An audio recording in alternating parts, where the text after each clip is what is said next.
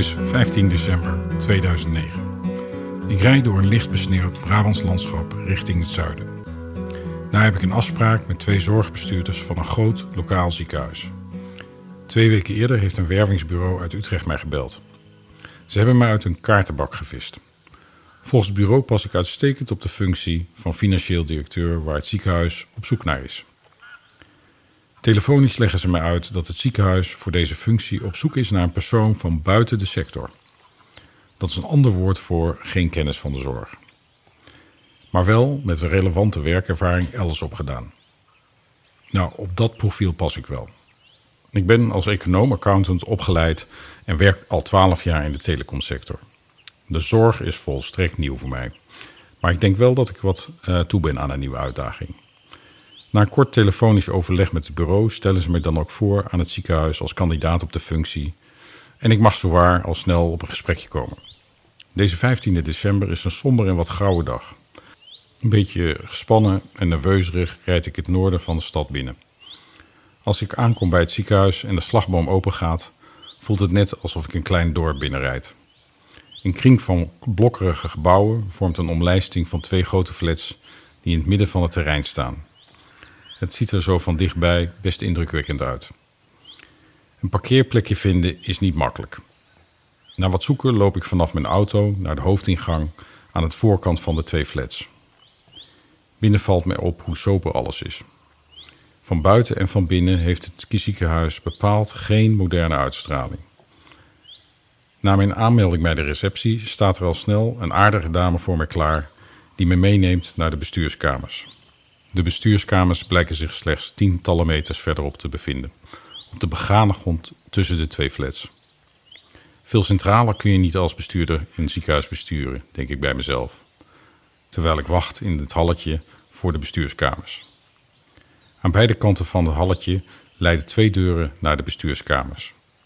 Een van de twee deuren gaat open en ik zie twee heren in witte jassen vrolijk en uitgebreid afscheid nemen van mijn eerste gesprekspartner. Achteraf gezien voor kort mijn toekomstige baas. Na een goed gesprek met haar stuurt ze mij door naar de volgende kamer waar twee heren op mij wachten. Een van de heren is de voorzitter van de raad van bestuur. De andere man is een man in een witte jas, die zich voorstelt als voorzitter van de Vereniging van Medisch Specialisten en als oud-voorzitter van de Landelijke Orde van Medisch Specialisten. Hij doet me een beetje denken aan mijn opa. Laten we zeggen, iemand die niet erg vindt om met zijn talenten te koketteren. De voorzitter van het bestuur valt op door zijn vriendelijke en enigszins geruststellende manier van praten. Regelmatig onderbroken door een bulderende lach. Iets waar ik wel wat mee kan. Halverwege het gesprek over mijn achtergrond als accountant en financieel verantwoordelijke bij KPN onderbreekt de man in de witte jas mijn stortvloed aan herinneringen. Zonder veel introductie vraagt hij mij wat ik nou eigenlijk allemaal vind van een nieuwe fenomeen van marktwerking in de zorg. Op deze vraag was ik al voorbereid. Ik had al gelezen dat in 2006 de wereld in de zorg sterk is veranderd door de introductie van iets nieuws dat marktwerking heet. Zorgverzekeraars moeten vanaf dat jaar met elkaar landelijk concurreren en ze kunnen kiezen bij welke aanbieders zij welke zorg willen inkopen. De zorgverzekeraars worden daarbij gezien als de vertegenwoordigers van de klant. Dat zijn wij allemaal. Zij zullen ons in deze toekomst van marktwerking laten zien waar wij het beste terecht kunnen door de beste kwaliteit tegen de laagste prijs in te kopen. Ik was dus goed voorbereid op deze vraag.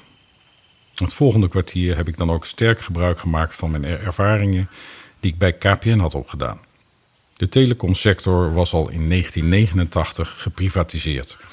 En de nieuwe marktwerking in deze sector had, in de positieve zin van het woord, deze wereld op zijn kop gezet. Nieuwe internationale partijen kwamen al snel op de Nederlandse markt. Internet en mobiele telefonie werden in de sneltreinvaart geïntroduceerd en innovatie van diensten leidde tot sterke daling van prijzen en veel betere kwaliteit van services. Een kleine opsomming van hoe marktwerking succesvol kan zijn. Dit had ik allemaal van dichtbij meegemaakt en mee vormgegeven. KPN was weliswaar een stuk kleiner geworden, maar de consument anno 2009 kon aankijken tegen een hele nieuwe wereld van snel internet, mobiele telefonie, Google, Facebook, Spotify, WhatsApp. En tegen prijzen die zeker niet hoger waren dan de klassieke telefoongesprekken met de groen-grijze telefoon met zwarte draad die we allemaal nog hadden toen de marktwerking in de telecomsector startte in 1989. Kortom, één groot succesverhaal. Met wat anekdotes over investeringen en onderhandelingen die ik in die tijd bij KPN had begeleid, zag ik dat ik een gevoelige snaar bij mijn gesprekspartners had geraakt. Twee dagen later kreeg ik een bericht dat ik was aangenomen en dat ik drie maanden later kon starten in mijn nieuwe functie als financieel directeur bij het ziekenhuis.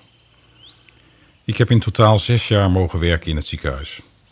In die tijd heb ik veel respect gekregen voor de passie, de zorgzaamheid en de inzet waarmee veel zorgverleners in ons ziekenhuis elke dag werkten. Een waardevolle ervaring waar ik tot op de dag van vandaag profijt van heb. Ik zag ook hoeveel werk er moest worden verzet in de takken van verkoop aan de zorgverzekeraars, inkoop van producten en diensten, zorgadministratie en financiële administratie. De verandering naar een nieuw zorgstelsel met marktwerking was een grote veroorzaker van deze werklast. Na drie maanden in het ziekenhuis moest ik dan ook al met een sombere boodschap naar mijn bestuurder dat de aanpassingen aan het nieuwe zorgstelsel ons miljoenen gingen kosten. Gelukkig kreeg ik direct de vrijheid en het budget om dit op te pakken en deze verbetering ook werkelijk samen met mijn team te realiseren. Daarnaast moest het ziekenhuis tussen 2013 en 2018 285 miljoen investeren in de renovatie en nieuwbouw. Bij mijn eerste bezoek was me al opgevallen dat het ziekenhuis nogal wat achterstallig onderhoud had. 285 miljoen. Een enorm bedrag in de tijd dat de banken en de zorgverzekeraars niet zaten te springen op dit soort uitgaven. Wat me opviel was dat het nieuwe zorgstelsel ook kansen met zich meebracht. Door goed gebruik te maken van de nieuwe regelgeving, op te letten dat je niet in de overgang van het ene naar het andere regime geld verloor, en doordat inkopers van grote zorgverzekeraars regelmatig wisselden, was de ruimte om financiering op te hogen onverwacht ruim aanwezig. Met goede financiële kennis in huis en een hechte samenwerking met de medische staf leverde de financiën van het ziekenhuis in de jaren dat ik er werkte weinig problemen op. Dit ondanks de sterk stijgende kosten door forse investeringen in vastgoed en sterke groei van de zorgactiviteiten. Ondertussen kwamen zorgverzekeraars wel elk jaar aan het eind van het kalenderjaar met een onheilsboodschap van 10 tot meer procent bezuinigingen en leidde dit na langdurige onderhandelingen altijd tot een mooie plus van een aantal procent op de begroting voor het volgende jaar. Om te zeggen dat dit het vertrouwen tussen de leiding van het ziekenhuis en de verzekeraars versterkte, dat kan ik niet zeggen. Vooral het circus van de contractonderhandelingen met de verzekeraars en de ontwikkeling dat ondernemerschap van ziekenhuis met haar specialisten en de regio niet werd gewaardeerd, heeft mij doen besluiten om na zes jaar afscheid te nemen van dit mooie ziekenhuis. Het nieuwe zorgstelsel met haar marktwerking leverde helaas niet de resultaten op die ik ervan verwacht had. Na deze periode in het ziekenhuis ben ik zeven jaar gaan ondernemen in de zorg. Met een oude apotheker, twee specialisten en een ICT-manager dachten wij begin 2016 de zorg van buitenaf te kunnen vernieuwen. Door de introductie van nieuwe netwerkconcepten in de zorg wilden wij een bijdrage leveren aan met name verbeteren van de gezondheid van ouder wordende inwoners. Zeg maar de gezondheid van de babyboomers. Dit leek mij toen en lijkt mij nog steeds de enige oplossing om op korte termijn de snel stijgende kosten in bedwang te houden. Dat klinkt wel heel financieel, maar dat is het dan ook.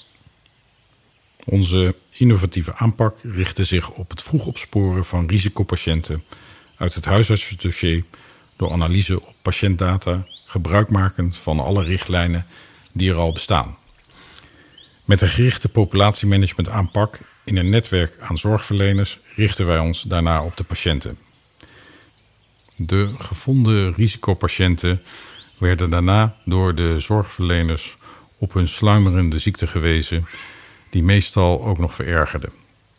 met interventies op medicatie, bloeddrukcontrole, lifestyle en inzet op sociaal-economische risico's, kon de gezondheid van deze populatie tot het einde van het leven op een veel beter peil worden gehouden. Dat heet in de zorg tegenwoordig een betere kwaliteit van leven. We noemden onze zorgconcepten dan ook gezonde concepten. Met een merkenstrategie voor het ontwikkelen van hoge patiëntbetrokkenheid.